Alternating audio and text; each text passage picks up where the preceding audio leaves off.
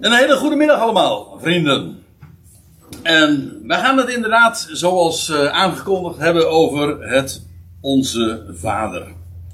Um, u weet, uh, dat is een gebed. En misschien weet u het niet, maar dan, ben ik, uh, dan breng ik u bij deze daarvan op de hoogte. Dat het Onze Vader maakt deel uit van de beroemde bergreden. En die vindt u in, uh, in het Evangelie naar Matthäus, de hoofdstuk 5 tot en met 7. En ik zeg het niet helemaal compleet, want het Onze Vader vind je ook terug in het Lucas-evangelie. Ik kom daar straks nog eventjes op terug. Hoewel daar een, uh, een verkorte versie uh, van te vinden is. Het Onze Vader, ja, het heeft in de traditioneel in de christenheid de reputatie, de naam uh, en, en de naam te hebben van het gebed des Heren, de Lord's Prayer. En ik heb er hier in de aantekening al even bij gezet dat dat uh, ten onrechte is. Want, want we zullen straks ook nog wel zien dat de Heer dit gebed zelf niet bad. Nee, hij onderwees het zijn discipelen. In feite is het ook heel gemakkelijk aan te tonen want de Heer Jezus heeft zelf nooit gebeden: vergeef ons onze schulden. Dat lijkt me duidelijk. Hij was zonder zonde. Dus uh, in die zin uh, is het ook wel vrij gemakkelijk ook, uh, aan te tonen. Het is dus van een heel ander soort dan we, een gebed zoals we dat in Johannes 17 aantreffen. Het, het zogenoemde hoge priestelijk gebed. Ja, dat zijn de woorden die de Heer zelf sprak tot zijn vader. Maar dat is dit gebed dus niet. Ja, en uh, Koos gaf het zojuist al eventjes uh, in zijn inleiding ook aan. Het Onze Vader, dat kennen we vooral traditioneel als een formuliergebed dat eigenlijk te pas, en als u het mij vraagt, te onpas, uh, gebeden wordt bij allerlei gelegenheden. En ook eindeloos herhaald wordt. En ik ben hier op Urk. En dat is nou niet echt een rooms-katholieke uh, omgeving. En uh, die achtergrond heb ik zelf ook niet. Maar degenen die die achtergrond wel hebben, die weten maar al te goed hoezeer het Onze Vader een formuliergebed is. En ook eindeloos herhaald kan worden in de, de rozenkrans. En dan wordt het tig keer achter elkaar gebeden. En, en uh, hoe dat allemaal precies in zijn werk gaat, dat weet ik dan niet.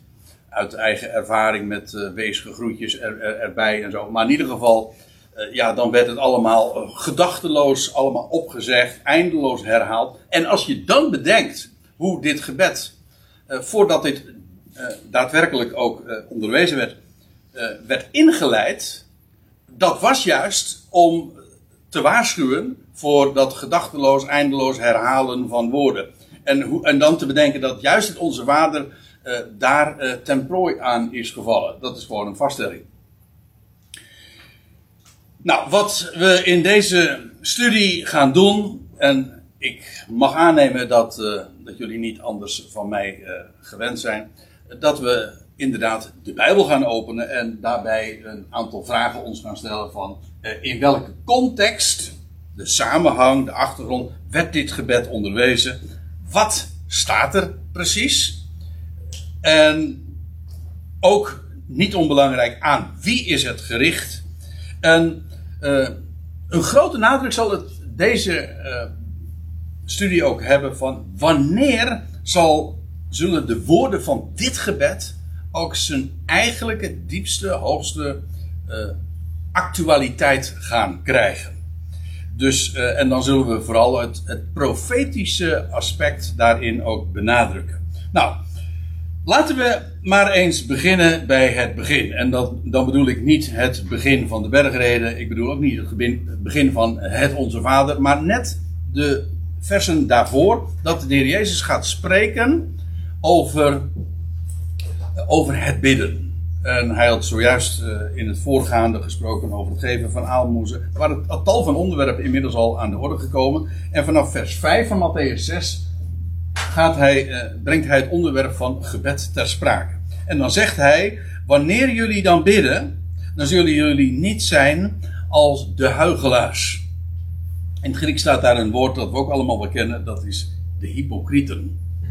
Dat is, dat is gewoon het woord, als je het eh, hier zo in de, deze interlineair ziet, dan herken je het zelfs nog wel. Zelfs als je de Grieks, het nooit uh, Grieks hebt geleerd. Maar er staat inderdaad zoiets als hypocrieten. En weet je wat de aardigheid van dat woord is? Dat het uh, de aanduiding was voor een toneelspeler. Dan begrijp ik eigenlijk ook wel waarom. En ik had het zojuist over dat ik geen rooms-katholieke achtergrond heb, maar wel een echte Revo of protestantse achtergrond. En daar bestaat van oudsher een, een nogal een afkeer tegen toneelspel. En eigenlijk vanuit dat perspectief begrijp ik dat ook wel een beetje. Toneelspel en, en, film en drama, maar is eigenlijk allemaal toneel. Uh, zonder nou dat onderwerp te gaan uitdiepen, zo bedoel ik het niet. Maar in ieder geval, kijk, bij toneelspel, dan doe je alsof. En dat is eigenlijk ook een hypocriet, die heeft de schone schijn hè, voor de bühne, maar de binnenkant is een heel andere. Je speelt een rol. En in de religieuze wereld is dat, is dat erg uh, gebruikelijk. Hè? Je, de, de, mooie buitenkant laten zien. En laten we even verder lezen. Dan, staat er, dan zal je niet zijn als de huigelaars. Hoezo dan wel? Want zij staan graag in de synagogen en in de, de hoeken van de straten te bidden. Trouwens, dit werpt dan ook meteen licht op de adressering van dit onderwijs. het louter feit dat de Heer Jezus dit zo, zo zegt van zij, die hypocrieten waar hij naar aan refereert, dat zijn, uh, dat zijn zij die graag in de synagogen en in de hoeken van de straten staan te bidden. Ja, dan weet je meteen van dit is in een Joodse context uitgesproken. Uh, logisch, hij spreekt niet over de kerken of over moskeeën, wat trouwens onmogelijk was in die dagen nog. Maar in ieder geval over de synagoge, de Joodse vergaderplaatsen. Kijk, de Heer Jezus was geboren onder de wet. Hij sprak ook tot zijn volk. Hij was ook uitsluitend gezonden tot het volk van Israël. En uh, als hij even later trouwens in Matthäus 10 de zijnen erop uitstuurt, dan zegt hij ook van uh, uh, ga alleen naar uh, de verloren schapen van het huis Israëls. En begeef je niet op de weg naar de Samaritanen, nog naar die van de natieën. En de Heer Jezus was heel uitdrukkelijk gezonden tot, tot Israël. En, en dat onderwijs wat hij gaf, dat was eigenlijk ook brood voor de kinderen van Israël. Zo noemt hij het ook. En het is niet goed, zegt hij, als er een keertje een niet-Joodse dame een beroep op hem doet. Zegt, dan is de eerste reactie ook van: het is niet goed om het brood van de kinderen, Israëls, te geven aan de hondjes. En even voor de goede orde: die hondjes, dat zijn wij. Ja, dat zijn gewoon de niet-Joden de honden. En trouwens, dat staat ook in de, uh, de bergreden nog zoiets. Van, uh, je moet uh, geen parels voor zwijnen werpen en voedsel niet voor de, voor de honden. Dat wil zeggen, het is onderwijs dat hij richt aan Israël. En dat blijkt uit allerlei dingen. Ik zal op, zo in de loop van deze studie nog wel op meer van dat soort details wijzen. Maar kijk, het gaat hier vooral om het feit dat zij in de synagoge, op de hoeken van de straten, gewoon heel uiterlijk, dat, dat zij zich aan het tonen zijn aan de mensen. En voor de, ik denk dat het belangrijk is om nog wel eventjes aan te stippen. Dit is niet, ik heb het wel eens een keertje zo ook gehoord en, en uitgelegd gekregen, van dat openbaar gebed, dus een gebed dat in het openbaar gesproken wordt, dat dat niet bijbels zou zijn. Maar als je even een klein beetje gaat bladeren door de Bijbel, dan kun je dat nooit um, staande houden. Want er zijn heel wat voorbeelden van in de Bijbel te vinden van mensen die aan publiek een gebed hebben uitgesproken. Er komen er zo een, heel aantal voor de geest van Hiskia, een Salomo, een David die dat gedaan hebben. Um, dus het idee is niet zozeer of uh, dat uh, gebed niet in het openbaar zou mogen plaatsvinden. Hoewel, en dan moet ik er uh, aan de andere kant nog eventjes dan bij zeggen, dan ga ik toch weer even aan de andere kant van de boot hangen. En dat is dat gebed in de eerste plaats een hele persoonlijke, intieme aangelegenheid is. In ieder geval niet iets is voor de bühne. Hè, dat je doet voor anderen. Je spreekt tot God. Dat is trouwens ook het grote gevaar van openbaar gebed. Ik herken dat, want ja, als je aan het publiek spreekt, dan, dan leiden we dat ook in. Ik vind terecht, hè, met dankzegging. En dus, er komen wel eens mensen naar me toe die daar moeite mee hebben dat er in het openbaar gebeden worden, mede ook om dit soort onderwijs. En dat gebed toch een persoonlijke aangelegenheid is. En ik, ik begrijp het bezwaar namelijk wel. eh, want eh, het risico is heel groot dat op het moment dat als je al publiek bidt, dat je vooral denkt aan degenen eh, die in jouw gezelschap zich bevinden. En eh, wat zullen zij ervan vinden? En mooie woorden te gaan kiezen en zo. Eh, terwijl je in, in gebed je tot hem richt. En op het moment dat de aandacht vooral is naar wat men ervan zal vinden, ja, dan, dan vermindert dat daar, daarmee ook de waarde van het gebed. Het is dan geen, je richt je dan niet meer eh, specifiek tot God. Dus het gevaar onderken ik, maar ehm, oké, het gaat hier vooral dus om, hier ook, zij, eh, z- zij doen dat vooral, die huigelaar, die hypocrieten, om, zich te tonen aan de mensen, om te laten zien van hoe vroom ze toch wel niet zijn. Amen. Ik zeg jullie, zij zijn eh, hun, zo staat het er letterlijk, zij zijn hun loon aan het verzamelen. Of zoals de MBG-vertaling zegt, zij hebben hun loon reeds. Het idee is eh, het loon, of eventueel de eer, eh, voor hun handelen, die krijgen ze nu. Eh, met, met als gedachte, straks, van God, zullen ze die, dat loon, dat de eer daarvoor niet meer krijgen. Dus eh, als jij je zo vertoont en de mensen zeggen wauw, geweldig. Nou, de Heer zegt van dat is hun loon dan. Want eh, in de toekomst zal die eer hen of dat loon hen ontgaan. Het staat vaker in de, in, de, in de bergreden die uitdrukking van zij hebben hun loon reeds. Of letterlijk, zij zijn hun loon al aan het verzamelen nu. Maar wanneer, en nu komt de positieve kant van het verhaal, maar wanneer jullie ook maar bidden, ga in uw binnenkamer en sluit uw deur. Dus gebed is primair, in ieder geval, een persoonlijke zaak en iets voor het verborgene. Er staat hier in het Griekse een woord, eh, tameion, eh, dat woord voor binnenkamer. En we komen dat ook nog een keertje tegen in Lucas 12, vers 24. En dan wordt het vertaald met voorraadkamer. In de MBG-vertaling ook. En dat ligt ook voor de hand, want dan lees je dat de Heer Jezus zegt: let op de raven, ze zaaien niet, ze maaien niet, ze hebben geen voorraadkamer. En dan staat er ditzelfde woord. Ze hebben geen voorraadkamer of schuur. En toch voedt God ze. Dus hier had. eh, er zijn trouwens ook vertalingen die hier ook ge- weergeven eh, de voorraadkamer. Ga in uw voorraadkamer, de kelder. Het idee is vooral, het is een, eh, een, een, een ruimte in het huis. Waar verder geen licht bij komt. Wij zouden ook zeggen een kelder. En, ehm, oké, nou ja, ehm, waar je de, de spullen verzamelt, de voorraad dus hebt.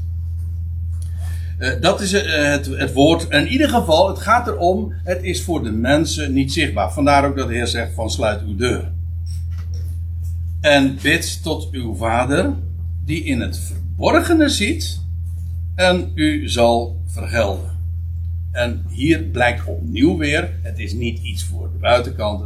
Is, dit is zo primair. Het, is, ehm, het gaat in het gebed, spreek je tot hem en hij is de enige die ertoe doet.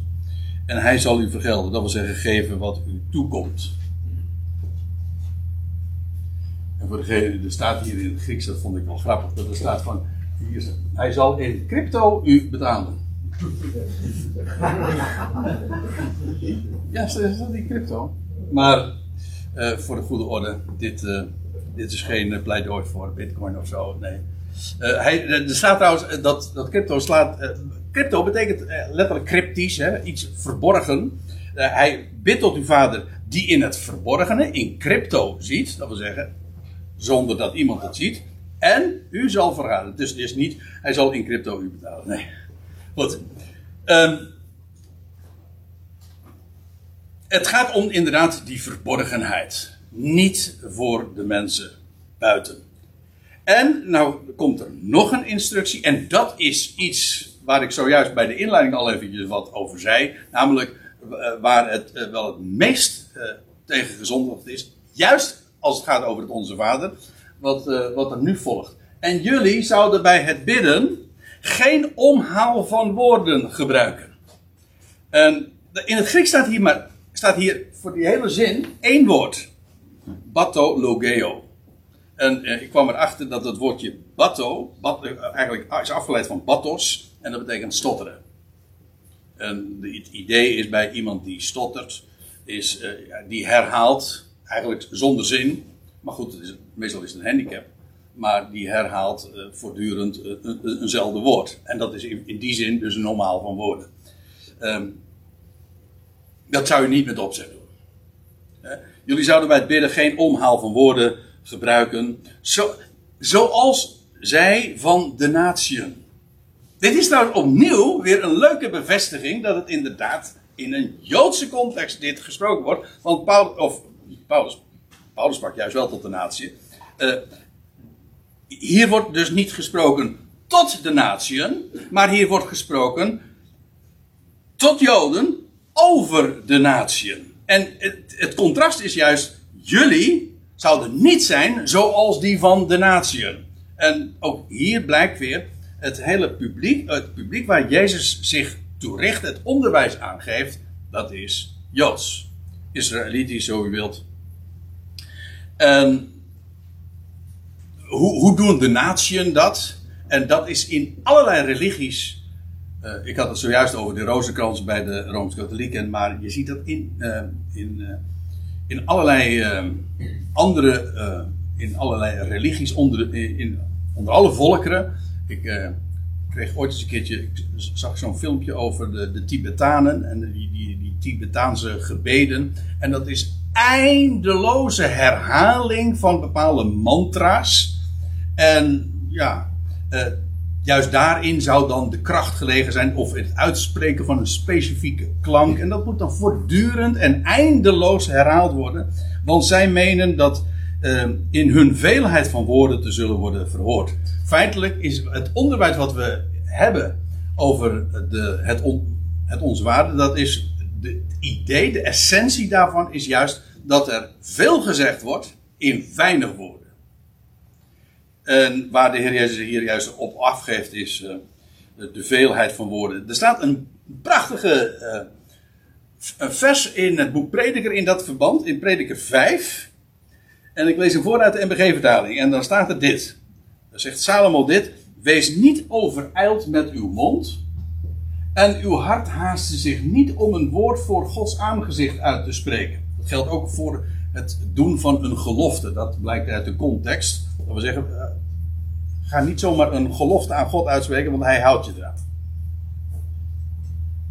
En, en zo- maar dit gaat over een woord voor Gods aangezicht uit te spreken. Hoezo niet? Nou, want God is in de hemel en jij bent op de aarde. Laten, da laten daarom uw woorden weinigen zijn. Die afstand is zo groot. Jij bent maar een, een sterveling hier op aarde. En die grote God is in de hemel. En koest. Laat je woorden naar hem toe, maar heel weinige zijn. Het gaat er, en eh, er staat in dezezelfde context, ik heb hem even niet precies voor de geest, ik zou het niet zo kunnen, eh, kunnen opsommen hoe het er exact staat. Maar het idee is vooral dat, eh, dat wij traag zouden zijn in het spreken, maar juist als het gaat om God, dat we naar hem zouden luisteren. Wat hij, het gaat er niet om wat wij tot God zeggen. Het gaat erom dat wat hij tot ons te, te zeggen heeft. En dat we daar ons naar zouden voegen. En ja, dat we dat eigenlijk gebed is vooral ook het beamen. Amen zeggen op. Op wat hij gesproken heeft. Dus eh, ja, dat is eigenlijk wat eh, een, een mooi, eh, een, een, het mooiste gebed is. Is dat je amen zegt op wat God gesproken heeft. En laat je eigen woorden maar eh, heel weinig zijn. Wordt eh, hen uit de natieën, dat is wat de Heer Jezus tegen zijn discipelen zegt, wordt hen dan niet gelijk, want, die vind ik ook mooi hoor, want jullie vader weet welke dingen jullie nodig hebben. Eer jullie hem vragen. Dus eh, ons gebed is helemaal beoogd niet om God te informeren. De, gedachte op zich, op zich, als je erover bij stilstaat, is al bizar natuurlijk. Hè? Alsof wij God eventjes moeten informeren over de stand van zaken hier op aarde, dat wist hij nog niet. Dat is toch, eh, dat is toch eh, absurd om dat uh, te veronderstellen.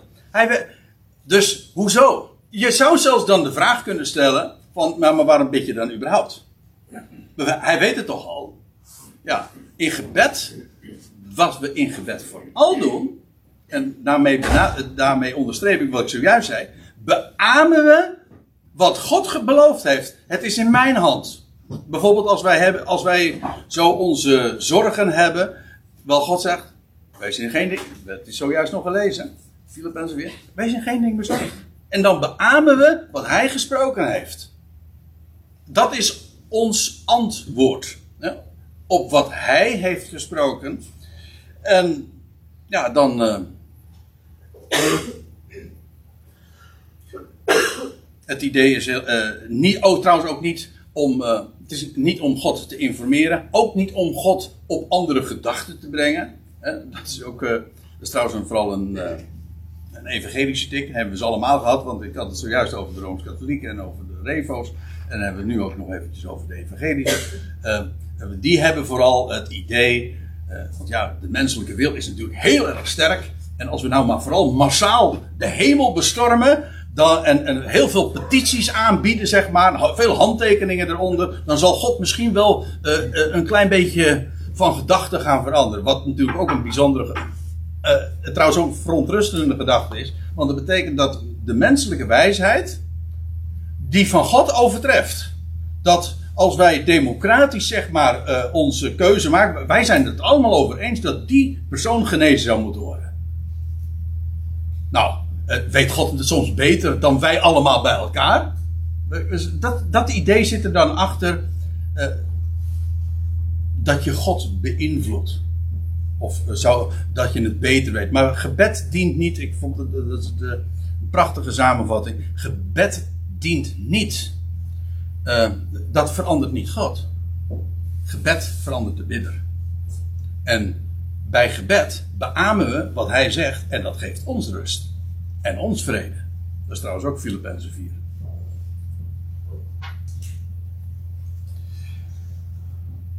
En dan, nou komen we bij uh, het Onze Vader dan. Want dan staat er vervolgens in vers 9: Bidden jullie dan al dus. Dat wil zeggen op deze wijze. En als dat de woorden die nu gaan volgen, dat is een model, een voorbeeld. En geen, eh, niet bedoeld als formuliergebed, zoals het eigenlijk altijd wordt uitgesproken. Um, bij allerlei gelegenheden wordt dat zo geregistreerd. Uh, dat heet dan een formuliergebed, dat wil zeggen, het staat al geformuleerd, voorbedrukt. Uh, en, uh, maar dat is helemaal niet de gedachte. Dat blijkt ook wel dat het, niet, uh, dat het die opzet niet heeft, omdat de. Ik zei al, in Matthäus vinden we een versie van dat uh, Onze Vader, maar in Lucas ook. En je zou ze eens naast elkaar moeten leggen. En dan zie je al, dat kan dus nooit bedoeld zijn als een formuliergebed, want dan zouden ze in beide gevallen identiek zijn. Uh, ik, ik, zal het eventjes op een rijtje zetten om, om het te laten zien wat, wat de verschillen zijn. En ik laat dan helemaal achterwege waarom het ene wel in Matthäus en het andere in Lucas staat. Dat doet het nu even niet ter zake. Uh, Oké, het begint met onze vader. Lucas trouwens met vader. En de verschillen heb ik eventjes met, uh, in het bruin aangegeven en uh, ziet u nu afgebeeld. onze vader die in de hemelen zijt. Dat, wordt, dat ontbreekt in die, deze formulering in het Lucas versie. Uw naam worden geheiligd. Nou, dat komt uh, overeen. Uw koninkrijk komen. En dan uw wil geschieden gelijk in de hemel, alzo ook op de aarde. Dat ontbreekt weer in, uh, in de versie van Lucas. En dan geef ons heden ons dagelijks brood. Nou, komt vrijwel daar, letterlijk zo overeen. En vergeef ons onze schulden, gelijk ook wij vergeven onze schuldenaren. En leid ons niet in de verzoeking of in verzoeking. Nou, dat komt overeen. Maar dan dat eind, van maar verlos ons van de boze, dat ontbreekt dan ook weer in het Lucas-evangelie. En nou zegt u van ja, maar het, eh, dat gaat toch nog verder? Nee, het gaat niet verder. Dat wil ik straks ook nog laten zien. Want zoals wij het slot kennen van, want van u is het koninkrijk en de kracht en de heerlijkheid tot in de eeuwigheid. Uh, dat, uh, dat ontbreekt in alle handschriften. Dat is om liturgische redenen later erbij gevoegd. En als je een goede Bijbelvertaling hebt, staat dat er ook gewoon in vierkante haakjes onder of naast. Uh, of uh, zo weergegeven.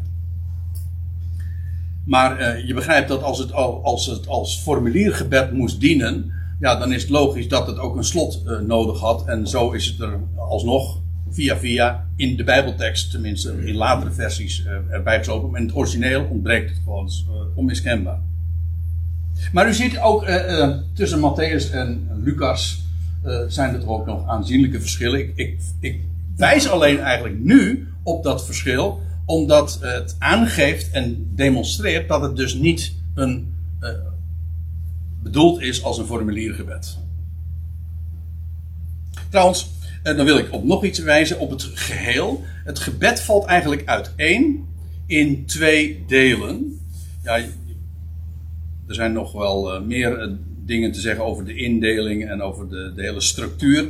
Maar ik wil even vooral uh, het meest in het oog lopende moet even genoemd worden. En dat is dat in het eerste deel. Nou ja, het is nogal vrij duidelijk als ik het zo weergeef. Gaat het om onze Vader en uw naam, uw koninkrijk, uw wil. Terwijl het in het tweede deel gaat over ons brood. Geef ons vandaag. Vergeef ons. Breng ons. Red ons. Dus in het ene geval gaat het, eh, in de inleiding of in de aanhef gaat het om hem. Primair gaat het letterlijk primair om hem. En in secundaire zin uh, worden onze, de, de mens, Ehm, en zijn belangen en zijn behoeften worden genoemd. Nou, dat is vrij duidelijk zoals dat in, in, in de tekst heel uitdrukkelijk naar voren wordt gebracht. Oké, nou laten we dan eens naar de tekst zelf kijken. Dus de heer had gezegd, terwijl hij zo eerst had gewezen op allerlei gebedspraktijken die gebruikelijk waren, eh, dat voor de bühne en de eindeloze herhaling, doe dat nou juist niet. En nou zegt hij vervolgens, geeft hij positief onderwijs, bidden jullie dan al dus. Ook dat blijkt trouwens alweer van uh, het feit dat hij zegt, bidden jullie dan al dus. Het is dus niet het gebed van de Heer, nee, het is onderwijs aan zijn discipelen hoe zij zouden bidden. Onze Vader die in de hemelen bent. Ja, die in de hemel is. Ja, dan. Als je de Vader aanspreekt. Als we over God spreken, dan zeg je die in de hemel is. En als we tot God spreken, dan zeg je die in de hemelen bent. Ja. Maar eh, onze Vader. Uh, het, is, al heel vaak. Ik, wil het is Bijbelstudie, dus uh, ik noem het nu even heel vluchtig, maar het is al heel vaak geweest in allerlei commentatoren, uh, commentaren uh, op de overeenkomst tussen dit gebed dat de Heer Jezus aan zijn discipelen onderwijst en het en bekende gebeden die Joden van, ook in die dagen reeds kenden en genoemd. Een begrip is eigenlijk in, in de Joodse liturgie ook het achttiende gebed. En dat vertoont heel veel overeenkomsten met uh, dat wat de Heer Jezus ook onderwijst aan zijn discipelen. De aanhef, onze Vader die in de hemelen zijt, ja, dat is, uh, dat is heel bekend Joods ook. Ik, uh, ooit leerde ik zo'n lied, Avinu, Avinu, Avinu. Onze Vader die in de hemelen zijt, of die in de hemel is. En dat dat is ook omdat Israël zijn, haar, uh, haar, het, als volk God aanspreekt als vader. Aan hen was ook, je leest dat Paulus dat ook zegt, wat zijn de voorrechten van Israël, de zegeningen aan hun. En dan zegt hij, nou, de, Is, de Israëlieten, hunner is, en dan noemt hij de wetgeving, de eredienst, het zoonschap. Dat wil zeggen, de, zoonstelling.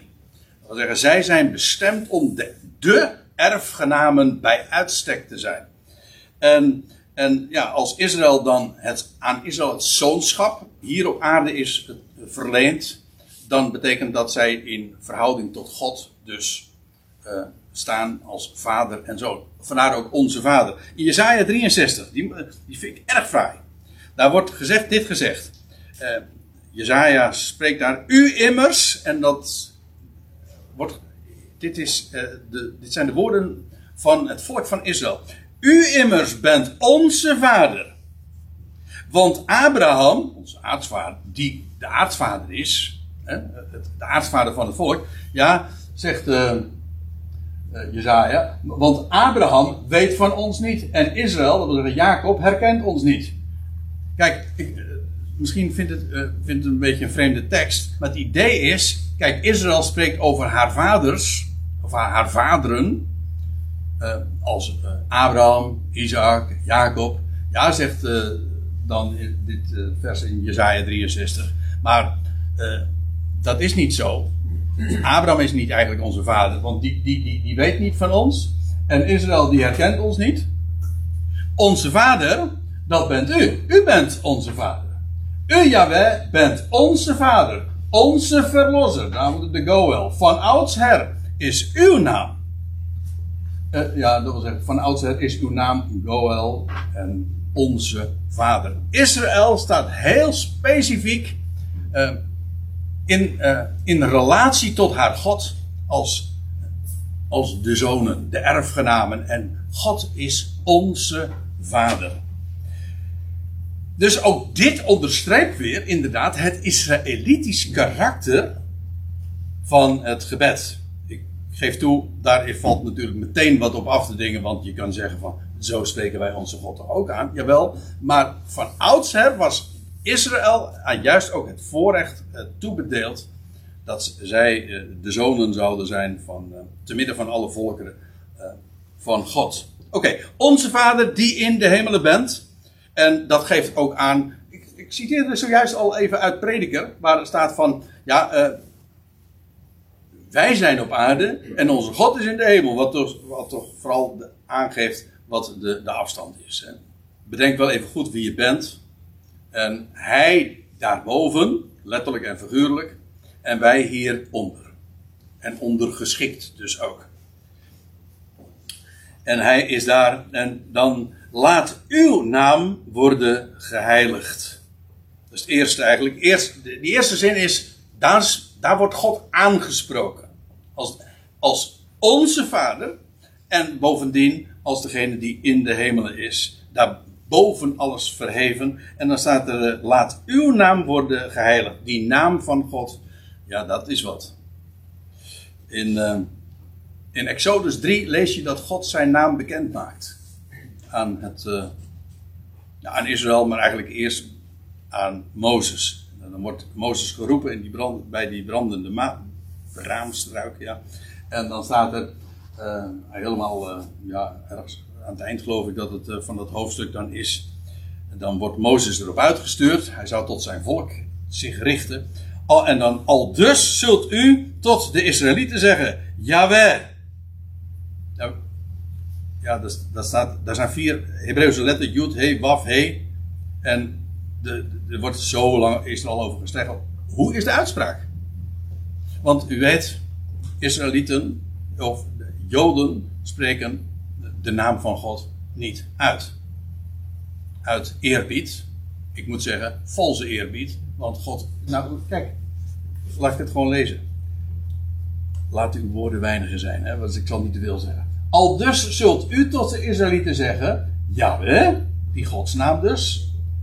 Dit is mijn naam voor eeuwige, le olame, voor de aion. En verder. En zo wil ik aangeroepen worden van geslacht tot geslacht. De generaties door. Dit is mijn naam. En dit zou uh, Mozes tot de Israëlieten zeggen. Hier maakt God zijn naam bekend. Pas. Eerder niet. Weet u dat? Zo, zo ja, ik aarzel nu even om te, om het te zeggen, maar ik, ik, hij is te mooi om het uh, te, u te onthouden. Maar als je de godsnaam ontleedt, dan krijg je dus, ik zei al, de Jud en de He. Maar dat, die letters, die vier letters waaruit de godsnaam is samengesteld, dat zijn ook getallen, cijfers. De die, die, kent u, dat is de 10. De He kennen we trouwens ook, want het is een heetje. Vijf kwartjes, door vijf stuivers, een kwartje, vijf maal vijf. En dan de waf, dat is dan de letter 6. Dat is, dat is de zesde letter. En dan krijg je weer de he. Dat is dus de 5. Als je die letters bij elkaar optelt, of de cijfers bij elkaar optelt, dan krijg je dus 10, 5, 6, 5. Dat is 26. En wat dacht je wat? Schrijf alle generaties van Adam tot Mozes. Ik heb het ooit eens, ik heb er een paar dia's van, maar niet nu bij me. Maar eh, ik heb het, dus, uh, het is heel mooi om dat te laten zien. Maar God uh, gaf zijn naam aan Mozes. Dat was de 26e generatie vanaf Adam. En die, en die, al die geslachten, die 26 geslachten, zijn onderverdeeld in 10 geslachten, 5 geslachten, 6 geslachten en weer 5 geslachten. Dus dat is toevallig. Ja. Ja. Ja. Gods naam, hoe vaak staat het niet in de Bijbel? Uw naam is wonderbaar. Ik weet wel, dat is niet alleen maar, dat gaat niet alleen maar over, over die, die vier letters, maar over de hele betekenis. Ik ben er. Ik ben die ik ben. En, en die, die naam, ja, dat is alles. En die naam van God, zo tot de Israëlieten zou dat worden gezegd. Dit is mijn naam en ik wil door jullie, in ieder geval door jullie ook door Israël, zo worden aangeroepen. En hoe bijzonder is het uh, dat juist dat volk nu zegt: nee, dat doen wij niet. Uit eerbied. Maar God zegt: Ik wil juist zo aangeroepen worden, want waar dient een naam anders voor dan om aangeroepen te worden, toch? Waarom heb je een naam? Een naam dient ook ter onderscheiding. Als, ik bedoel, als iedereen hier André zou heten, ja, dat, dat schiet niet erg op. Want nee, het is alleen, uh, het is alleen uh, zinvol wanneer je, iets, wanneer je naam zich onderscheidt. Wel, hij is die ene. Is uh, de Heere dan een goede vertaling? Nee. Nee, dat is. Ja, klopt. En in de Statenvertaling ook. Het is de, het is wel naar Joods gebruik, want hoe spreken de Joden, eh, de Joden dat van oudsher, die spreken de naam van God niet uit. En als ze het over God hebben, als ze bijvoorbeeld de godsnaam lezen in de, de Torah-lezing, dan zeggen ze Hashem. Dat wil zeggen de naam. Dus ze spreken hem niet uit, maar ze noemen hem gewoon de naam. Of ze vertalen het, of ze geven het weer met Adonai. En Adonai betekent Heer. En zo hebben de Nederlandse vertalers, en trouwens in het Engels ook, dat is Lord, en al die, alle andere vertalingen, hebben eigenlijk volgens dat Joodse gebruik, hebben God, de naam van God weergegeven met Heer. Daar is ook trouwens wel nog wel iets goeds over te zeggen, maar dat ga ik nou niet doen, want het zou me te ver afvoeren van, van het onderwerp. Maar Gods naam, uh, laat uw naam worden geheiligd. En wat die naam is, ja, dat is volstrekt helder. En God had ook uh, zo dat tegen Mozes gezegd. Zo zou ik door mijn volk worden aangeroepen. Laat uw naam worden geheiligd. En dat is een oproep. Het is in feite ook een profetie, want het zal namelijk ook gebeuren. Het sluit aan bij wat God ook wil worden geheiligd. Er staat een prachtige profetie die daar zo mooi op aansluit in, in Ezekiel 36. Uh, dat gaat direct vooraf aan, ja ja, Ezekiel 37.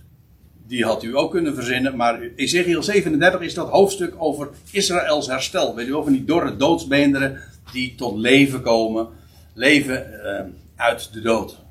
En uh, en in dat hoofdstuk dat daaraan vooraf gaat, dan, gaat het ook over hoe, hoe God uh, het land in de eindtijd zal verwoesten, maar dat het vervolgens uh, zijn geest zal ontvangen, zijn naam zal worden aangeroepen. En dan zullen de steden ook weer herbouwd worden, et cetera. Nou, is een geweldige profetie, maar dan staat er in Ezekiel 36, vers 23 dit.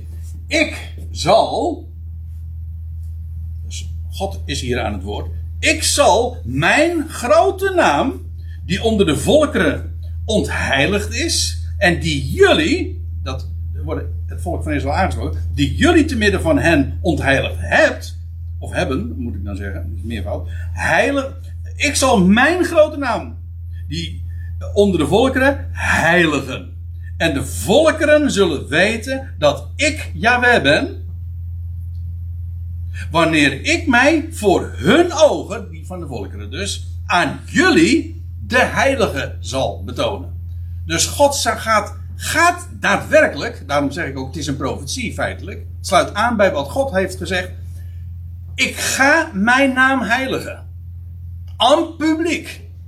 Ik wilde het net over gebed, hè, dat dat, dat uh, vooral een, een, cryptozaak is, hè, in het verborgene. Maar als het gaat over het heiligen van Gods naam, God zegt, ik ga het zelf doen. Ik ga mijn naam heiligen en, dat, en dan aan publiek, inderdaad, voor het oog van alle naties. En, uh, en hoe hij dat doet, nou, dat is dan ook onmiskenbaar. Dan is er ook geen, uh, dan is er geen vraag meer van, is die God er wel of Nee, dat is de God van Israël gaat zich dan, uh, die treedt dan uit de verborgenheid, uit de crypto zeg maar. En die, ga, en die bewijst zich aan publiek, aan Israël, maar voor het oog van alle volkeren. Laat uw naam worden geheiligd. Ja, gaat ook gebeuren. En wanneer gaat dat gebeuren? Nou, in feite, het volgende zinsdeel sluit daar direct op aan. Laat uw koninkrijk komen uw koninkrijk komen. Uh, en hoe gaat dat? Nou, ik, heb, heb ik nog een mooie. Daniel 7. Daniel 7, dan, uh, dan ja, dat, dat is die profetie over die vier dieren, die vier wilde beesten. En die, dat zijn opeenvolgende koninkrijken. En dan in de eindtijd lees je van dat laatste beest. En dat heeft tien horens. We hebben bij een andere gelegenheid hebben we daar ook, uh, naar aanleiding van het boek Openbaring vooral, wel bij stilgestaan. Die, en dan, uh, dan lees je van die, die tien horens, dus die federatie die in de eindtijd daar in het Midden-Oosten zal zijn. En die, die landen die ze dan, de, de, de, de die, die koningen die de gelederen gaan sluiten. En, uh, en te midden daarvan zal een, een elfde horen opkomen, lees je dan. En hij, en dat is dat, dat beest uit de zee, dat is de, de leider daarvan. Hij zal woorden spreken tegen de Allerhoogste. En de, en de heilige van de Allerhoogste gaat hij te gronden richten. Dat wil zeggen, het gaat gewoon over het volk, uh, het volk van de heilige. Dat wil zeggen, het heilige volk, of gewoon Israël. En zij zullen, en zij, de heiligen van de Allerhoogste, en ze zullen in zijn macht gegeven worden. Voor een tijd, tijden en een halve tijd. Nou, daar hebben we het uh, nog niet zo heel lang geleden een keertje vrij uitgebreid over gehad. Dat, is die, dat zijn die laatste drieënhalf jaren die voorafgaan aan de verschijning van de Heer op de Olijfberg. Eén jaar, twee jaren en een half jaar. Drieënhalve tijd. Dus over die periode hebben we het. En dan, staat er, en dan zal de vierschaar zich neerzetten. Dat wil zeggen, de, die gaat naar een, eh, het gericht, het tribunaal, om zo te zeggen. En men zal hem, dat beest, die elfde horen, om zo te zeggen, uh, zal, men zal hem de heerschappij ontnemen. En dan komt het, en het koningschap, koninkrijk, hetzelfde woord. De macht en de grootheid van de koninkrijken onder de ganse hemel zal gegeven worden aan het volk van de heilige van de Allerhoogste. Dus al die wereldrijken zijn vanaf dan gewoon behoren tot het verleden. Al de Medo-Persisch, Babylonisch, al die koninkrijken, Griekse. En ook dat, die, die, die laatste fase, het meest verschrikkelijke. Daar komt een einde aan. En dan vervolgens al die koninkrijken worden beëindigd en het, de heerschappij, het koningschap wordt gegeven aan het ene volk wat aan wie dat God uh, dat van origine heeft en van oudsher heeft beloofd. Namelijk het, het volk dat zou zijn een koninkrijk van priesters te midden van alle volkeren. Aan hen wordt het gegeven. En zij, zij worden leiden. Dus het laatste wereldrijk, dat wordt een Israëlitisch wereldrijk. En nou begrijp je ook dat deze woorden, dit gebed van het Onze Vader, ja, dat zal dan gebeden worden. Dat is zo actueel als, uh, als op, op het moment dat het koninkrijk op het punt staat daadwerkelijk hier op aarde geopenbaard te worden en uw koninkrijk zal komen. En wat gebeurt er dan nog meer? Nou, laat uw wil geschieden, zoals in de hemel, zo ook op de aarde. Nou, als we nou, nou toch over de profetie hebben, dan heb ik er nog eentje. In openbaring 12. Ook daar hebben we ons wel uh, eerder mee bezig gehouden. Inmiddels hebben we al aardig wat jaartjes hierop zitten hoor. Maar uh, ja, dat, dat in openbaring 12, daar gaat het over die, uh, eh, ja, eerst over die mannelijke zoon, die wordt weggerukt. En dan lees je dat er oorlog komt. En dan wordt vervolgens de Satan en al, al zijn trawanten uit de hemel gekegeld. En dan lees je dit. Eh, nee, wacht even, dit is geen citaat, maar ehm, ja, dit is even samenvatting. Satan en, en de zijnen zullen worden op de aarde geworpen. Nadat de mannelijke zoon is weggerukt tot God en zijn troon. En dan staat er in vers 12, 12 vers 12. Moet wel iets met Israël te maken hebben. Dit is een grapje trouwens. Ehm, daarom, we, als, moet je je voorstellen. In de hemel is nog steeds, dat is vrij onbekend wat ik nu zeg, maar in de hemel is nu nog steeds wel degelijk ook de God van deze Jan en, en, al, en al zijn trawanten en al die legers. Eh, vandaar ook dat wij hebben te strijden, zegt Paulus dan, tegen de overheden en de machten. Boze, uh, de boze machten in de hemelse gewesten. Maar die gaan, uh, die gaan dus uh, een etage lager. Ik zeg het netjes, niet met de lift. nee, ze, gaan, ze worden gewoon naar beneden geworpen, gegooid. En, uh, en wat er dan, de situatie vanaf dan zal zijn, dat Gods wil zal geschieden in de hemel. Dat is tot op de dag van vandaag niet het geval. Natuurlijk, daar, onze Vader is in de hemel, wij kennen Hem die boven alle overheid en macht gezeten is, dat is waar, maar de heerschap, Gods wil zal pas in de hemel geschieden als inderdaad daar grote schoonmaak is gehouden en de draak, of de satanas, de diabolos, de oude slang, als die met al zijn gevolg op de aarde zal zijn geworpen. En dan staat er, daarom wees vrolijk hemelen. Hoezo? Nou, de draak is, die, die, is niet meer in jullie midden. Maar dan ook, wee de aarde en de zee. Want de diabolos, de duivel, Satan, daalde tot jullie neer, wetend dat hij een korte periode heeft. Want hij gaat nog een etage lager. Maar dat is als hij in de afgrond geworpen wordt, om voor duizend jaar inderdaad totaal dus geen enkele bewegingsvrijheid meer te hebben. Maar eerst dus hij, is hij nog in de hemel, dan wordt hij na de wegrukking van de mannelijke zoon. Ze zeggen niet van dat het helemaal nu niet over ons gegaan is. Dat, dat, dat we het helemaal niet over ons hebben. Want die, die mannelijke zoon, ja, wij zijn inderdaad, maken daar, daar deel van uit. Hij het hoofd, wij het lichaam. Wij worden weggerukt. En vanaf dat moment uh, gaat er oorlog komen en de, de, de, in de hemel. En per direct wordt dan ook de Satan en zijn gevolg op aarde neergeworpen. En dan is de reden om vrolijk te zijn in de hemel. Maar de aarde daarentegen wordt een vreselijk toneel. Dat is wat hier staat. Wee de aarde en de zee. Weliswaar voor korte tijd, maar niettemin een, een hele heftige tijd. Hij zal, zo zal hij tekeer gaan. Maar dan begrijp je ook dat juist in die tijd er gebeden zal worden. Uw koninkrijk komen. En uw wil geschieden. Gelijk in de hemel. Want de Satan is er inmiddels uit de aarde, uit, daaruit geworpen. Alzo ook op de aarde. Dus de, de bede is, zoals uw wil nu inmiddels geschiet in de hemel, laat uw wil zo ook geschieden op de aarde. Dat gaat ook vervuld worden. En daar gaat korte, relatief korte tijd overheen, enkele jaren. Oké.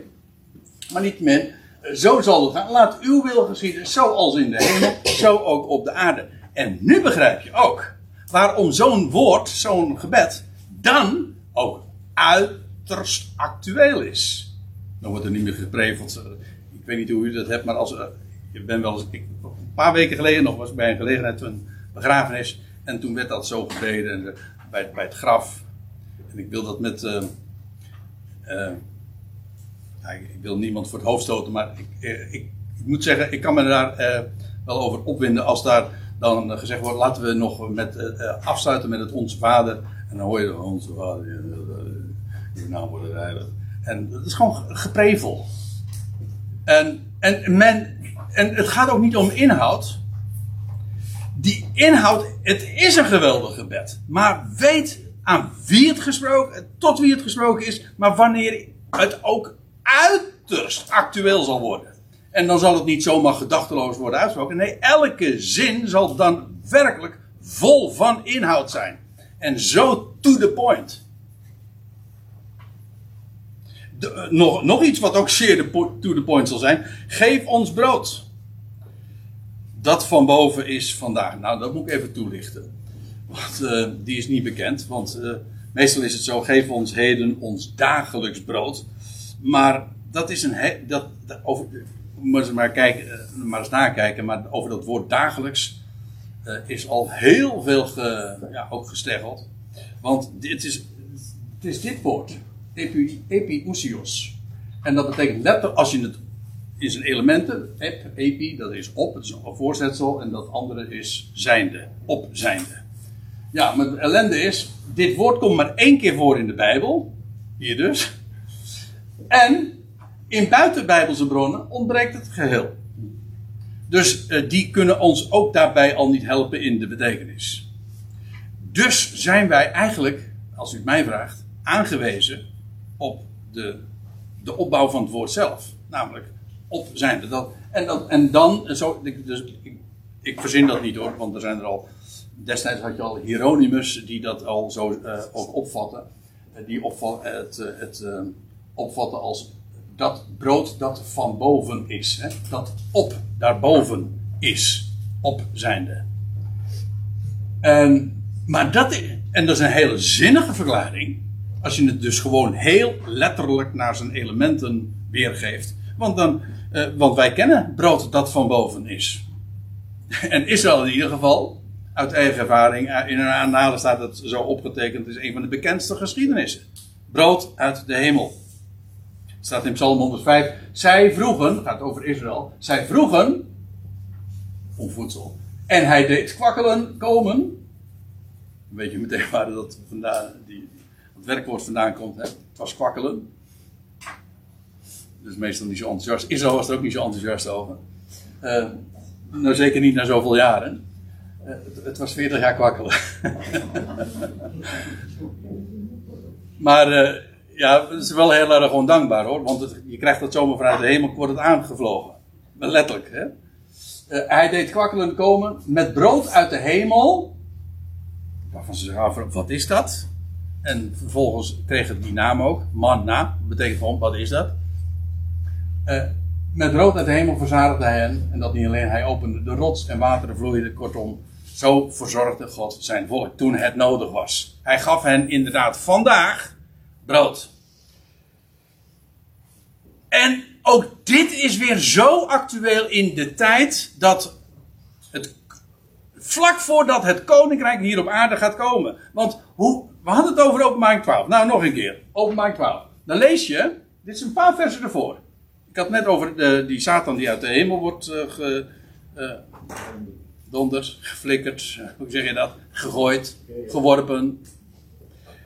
En eh, dan lees je, als die mannelijke. Nee, dat is nog. eh, dat is in vers eh 5, dat die mannelijke zoon wordt weggerukt. En dan lees je, en die vrouw, die dus die, die mannelijke zoon had eh, voortgebracht. De vrouw vluchtte de woestijn in, waar zij ook een plaats heeft.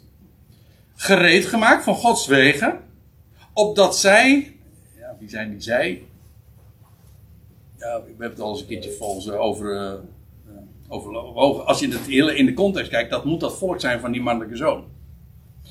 Nou ja, eh, ik, laat dat, ik parkeer dat hier even. Opdat zij haar daar zouden voeden 1260 dagen. Want ja, nou is, bevindt dat volk Israël zich straks in de woestijn gedurende die tijd, tijden, een halve tijd.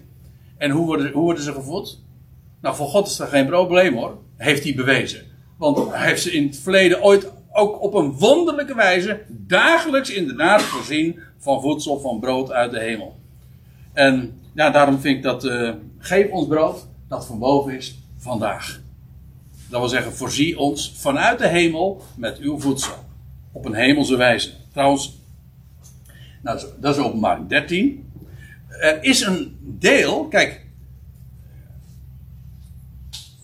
In die, gedurende die drieënhalf jaar van grote verdrukking zal, een, zal een, die vrouw zich in, in de woestijn bevinden. Ja, maar degenen die niet tijdig ge- gevlucht zijn, die bevinden zich nog in het land. En of omdat ze pas later, zeg maar, de, eh, gehoor geven aan de roepstem van die twee getuigen. En, eh, of later ge- gelovig worden. Maar in ieder geval, vluchten kunnen ze, vluchten kan niet meer. En dan zijn, bevinden ze zich in het land en dan krijg je dat, dat heerschappij van dat beest uit het land. En dan staat er in de openbaring 13. En het maakt, dat gaat het over dat beest dat uit het land komt, uit Israël, dat allen, de kleine en de grote, een merkteken zou worden gegeven op hun rechterhand of op hun voorhoofden. Nou ja, daar wordt nu hard aan gewerkt om dat allemaal technisch mogelijk te maken. En ze zijn heel end op strek. En zeker in zo'n high-tech land als, Nederland, als Israël is. Maar goed, eh, en dan staat erbij, hoezo dat merkteken? Zodat niemand zou kunnen kopen of verkopen, tenzij hij het merkteken heeft, namelijk de naam van het beest of het, of het getal van zijn naam, want een naam eh, is ook een getal. Maar daar had ik het nou net al over. Letters zijn cijfers. Het nu even om gaat, is dat in het land er dan ook honger zal zijn. Ja, sowieso, er zullen hongersnoden zijn. Maar ook heel actueel, er is geen voedsel beschikbaar voor degenen die niet kunnen kopen of verkopen. Dus, ja, wat moet je dan? Nou, dan, zijn, dan zal de bede inderdaad zijn: geef ons hin, eh, vandaag dat brood dat van boven is. En dat, hij, dat ze volledig, elke dag inderdaad, zijn aangewezen op de voorziening van God zelf. Hoe actueel is dat? Dan, in die dagen. En vergeef ons, ik ga verder, want ik zie dat ik echt moet opschieten. Uh, vergeef ons onze schulden, zoals wij onze schuldenaars uh, of schuldenaren vergeven. Ja, want dit is ook in de tijd dat Israël als natie vergeving zal krijgen. Dus een van de meest kenmerkende dingen van het nieuwe verbond is: ik zal hun zonde en hun ongerechtigheden geen zins meer gedenken. En hoe staat het in Romeinen 11? Dat de verlosser zal tot Sion komen en hij zal de goddeloosheden van hen afwenden en, en hen vergeven. God zal, Yom Kippur gaat dan voor Israël aanbreken. Hij zal ze niet meer vergeven. Nou, en wat hier al uh, gezegd wordt, vergeef ons onze schulden. Zoals God dat dan ook daadwerkelijk met het volk van Israël doet. Zoals wij onze schuldenaars ook vergeven. Opmerkelijk, er is al vaker op gewezen, en ik vind dat inderdaad wel heel opmerkelijk, hoe, uh, hoe hier het omgekeerd wordt verondersteld ten opzichte van de brieven zoals je dat in, bij Paulus leest. Hè. Dan is het van, zoals God jullie vergeven heeft, vergeef ook elkaar. Of bewijst elkaar ook zo genade. Hier, is, hier wordt verondersteld dat de discipelen hun schuldenaars vergeven. Het wordt, niet eens als, het wordt eigenlijk niet eens zozeer uh, hier geëist, het wordt hier gewoon verondersteld. Wij vergeven onze schuldenaren. Wel, en de bede is, doe, oh God, doe dat zo uh, ook aan ons, aan, aan heel ons volk. Ja, dat is trouwens ook het, sluit ook helemaal aan bij het, bij het eerdere onderwijs, al eerder in de bergreden, hè, van hebt u vijanden lief en zegent wie jullie vervolgen. Geen, niet het koesteren van braak, uh, maar wees, zoals, wees volmaakt zoals jullie hemelse vader volmaakt is. Terwijl ik het zo zeg, denk ik, weet, ik zeg nu, wees volmaakt zoals uw hemelse vader volmaakt is. Dat is geloof ik het laatste vers van Matthäus 5, als ik me niet vergis. Uh, en, maar ik wil het meteen even corrigeren. Weet u dat het er zo niet staat? Wees volmaakt zoals uw hemelse vader volmaakt is. Er staat, gij zult volmaakt zijn zoals uw hemelse vader volmaakt is. En ik weet voor de meeste mensen die met traditionele wettische oren luisteren, die horen niet eens het verschil. Want die denken, die horen bij gij zult meteen van je moet. Of weest als een bevel. Maar als je werkelijk uh, goede oren hebt, dan hoor je, gij zult volmaakt zijn. Gij zult, dat is een belofte, een aankondiging. En zoals uw hemelse vader volmaakt is. Hoe dan ook, uh, dat is ook in die dagen zo actueel. Ik lees nog eentje. Dat, zijn in feite de laatste woorden van het gebed. En breng ons niet in verzoeking. Ja, ook dat, daarvan geldt weer. Je leest in openbaring 3, dat wordt tegen de Ecclesia van El Philadelphia gezegd. Dat is die Ecclesia die in die dagen dan ook zal zijn. Ik denk zelfs heel letterlijk ook weer. En dan wordt er gezegd, omdat jullie het woord van mijn verduren bewaren, zal ik ook u bewaren uit het uur van verzoeking, dat over de hele wereld zal komen. Of dat aanstaande is over de hele bewoonde wereld. Om te verzoeken hen die op de aarde wonen. Het gaat hier, die uren van, de uren van verzoeking. Verzoeking is er altijd geweest. Maar de uren van verzoeking, die, zal, die plaats gaat vinden over heel de aarde, over de hele bewoonde wereld, de hele oikumene. Dat is dan. En, en in die dagen, in dat uur zal inderdaad ook de, deze bede klinken. Breng ons niet in verzoeking. Dat is in feite het aanspraak doen op de belofte die God heeft gegeven. Ik zal jullie daaruit bewaren. Uit de uren van verzoeking.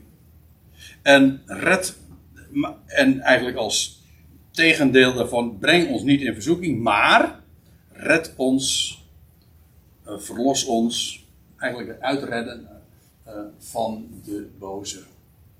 Ja. Maar wat dacht je wat? Dat is nu juist wat in die dagen gaat gebeuren. Want het koninkrijk staat op het punt aan te breken. Gods wil zal gaan geschieden op aarde. Zoals het al inmiddels dan ook in de hemel zal geschieden. En hij zal voorzien in brood en alles wat nodig is. En hij zal ook uh, hen bewaren in, de, in die uren van verzoeking. En hen ook uitredden van de boze. Ja, dat gaat dus allemaal over die tijd die pal voorafgaat aan de toekomende aion. Wat in de Bijbel dan heet de voleinding of het einde van deze aion. In feite, uh, het duurt nog eventjes, maar het is aanstaande. Hebben, ook dat is een onderwerp wat natuurlijk uh, al vaak hier uh, naar voren gebracht is. de termijn is bijna vervuld. De zevende dag, we het er in de auto nog over, het zevende millennium, gaat aanbreken. En dan gaan deze dingen ook daadwerkelijk, die hele heftige tijd, die vooral aan zal breken nadat de mannelijke zoon is weggerukt. Hierop, dan, dan wordt het pas echt uh, menens op aarde. Maar dan, ja, dan wordt dit gebed zo actueel. Juist voor dat Joodse volk, voor het volk van Israël. En daarin in het land, ook daarbuiten trouwens. Um, en dan worden deze woorden als nooit tevoren actueel en waar. En dan zal het ook gebeden worden, niet als een, een prevelgebedje van omdat het mot, eh, weten wij veel. Het is gewoon gezegd. Maar ja, als je natuurlijk niet inziet dat de Heer Jezus ooit in zijn onderwijs zich richtte tot Israël. En als je niet inziet van dat, dat, dat, dat, dat, dat Paus, via de apostel Paulus we, de Heer zich richt tot de natie. En als je dat verschil niet ziet, ja, dan vat je alles wat in de evangelie gezegd is ja, dat is allemaal voor ons. En dan krijg je van die bijbeltjes die alles, uh, uh, al, al die woorden van Jezus, die zijn rood gekleurd. Vooral in de Engelstalige wereld zie je zulke bijbels. Uh, al die letters zijn rood gekleurd. Waarom? Omdat dat is speciaal dan voor ons. Nee, dat is niet voor ons. Dat is voor het volk van Israël. Er zijn brieven die ik helemaal rood zou kleuren.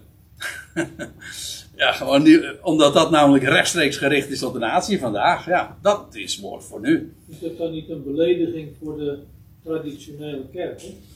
Wat ik nu doe?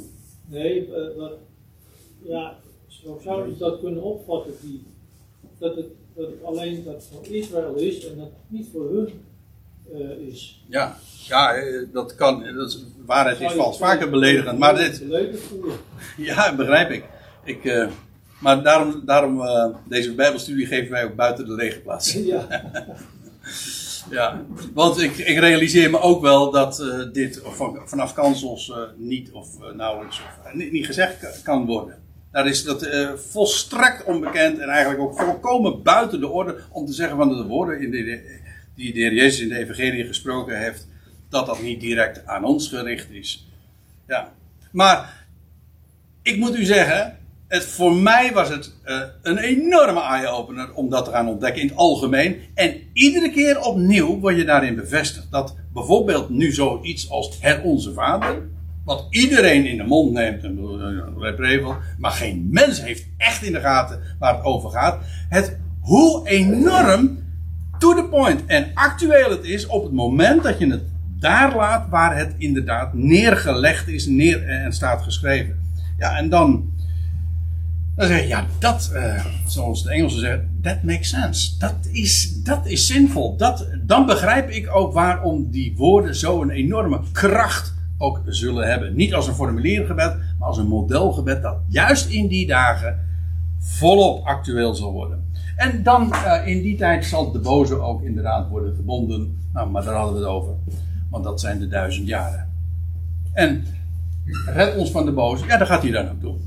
Dus al die woorden zullen juist in die tijd volop actueel waar worden. Nou, en dan zegt dan moeten we nog dat laatste deel ook bespreken. Daar kunnen we heel kort over zijn, want uh, die hoeven we niet te bespreken, want ze staan gewoon niet in het origineel. Overigens, dat zeg ik niet omdat ik bezwaren tegen de woorden, want die zijn natuurlijk zo klaar als is waar. Want van u is het koninkrijk, jazeker, daar hebben we het juist over gehad. En de kracht en de heerlijkheid, nou zeker. Tot in de Ionen de eeuwigheid trouwens. Meervoud. Ja, ja. Maar u ziet het ook hier al in die. Uh, het, is, het is later bijgevoegd. Staat het nou wel of niet in de Bijbel? Nee.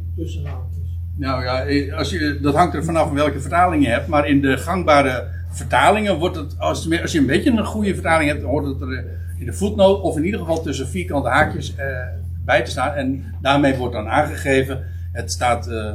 Niet uh, in het origineel, maar is later er aan, bij, uh, aan toegevoegd. En deze woorden horen daarbij. Maar ik hoop in deze Bijbelstudie uh, enigszins duidelijk te hebben mogen kunnen maken dat het Onze Vader een geweldig gebed is, maar laat het op de plek waar de Heer het ook neergelegd heeft. En dan, juist dan, gaat er werkelijk sprake van uit. Zullen we het daarbij laten voor vanmiddag?